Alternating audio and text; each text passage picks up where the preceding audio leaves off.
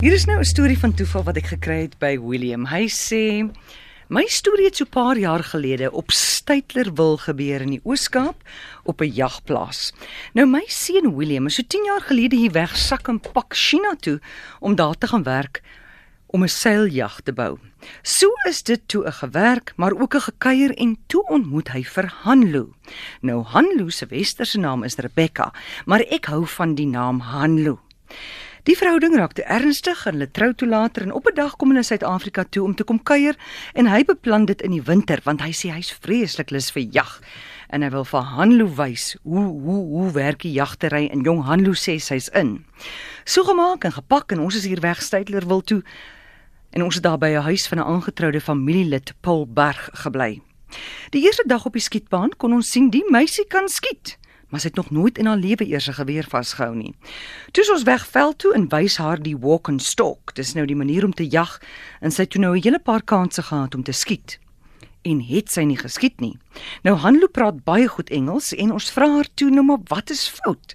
Want sy lyk so lekker nie, sy skiet dan so goed maar hoekom lyk sy so effe af? Sy sê: "Skaam, skaam." Sy weet daarom nie of sy 'n dier kan doodmaak nie. Ons kom toe agter sy het as boeddhis groot geraak en dit pla haar om 'n dier te skiet of om enige dier dood te maak. Ons los toe die idee dat sy ietsie vir die pot moet jag, ag gaan ons jag verder. Die volgende dag vroegoggend is ons weer veld toe in Hanloe saam. Ons is skaars afgelaai toe 'n klomp springbokke op ons afgeloop kom.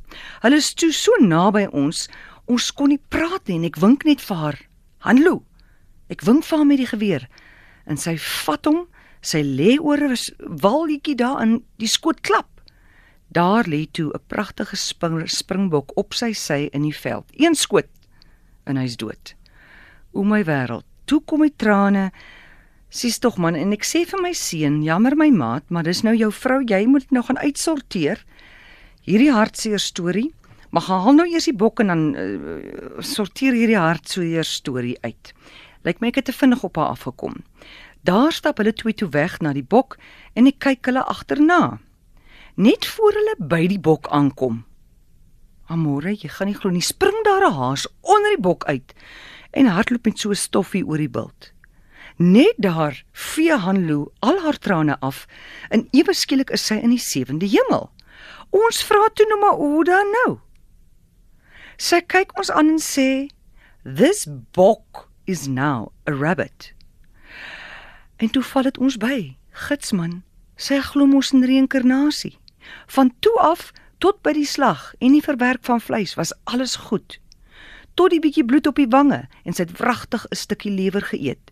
Want sy dink toe hierdie bok het nou geïnkarneer as 'n haas. Oh, ek was so trots op haar. My vraag is, wat is die kanse dat die enigste Chinese of Boeddhis wat jag in die Groot Karoo se bok nou op 'n haas gaan val. Toe val 'n bok op 'n haas. Toevallig.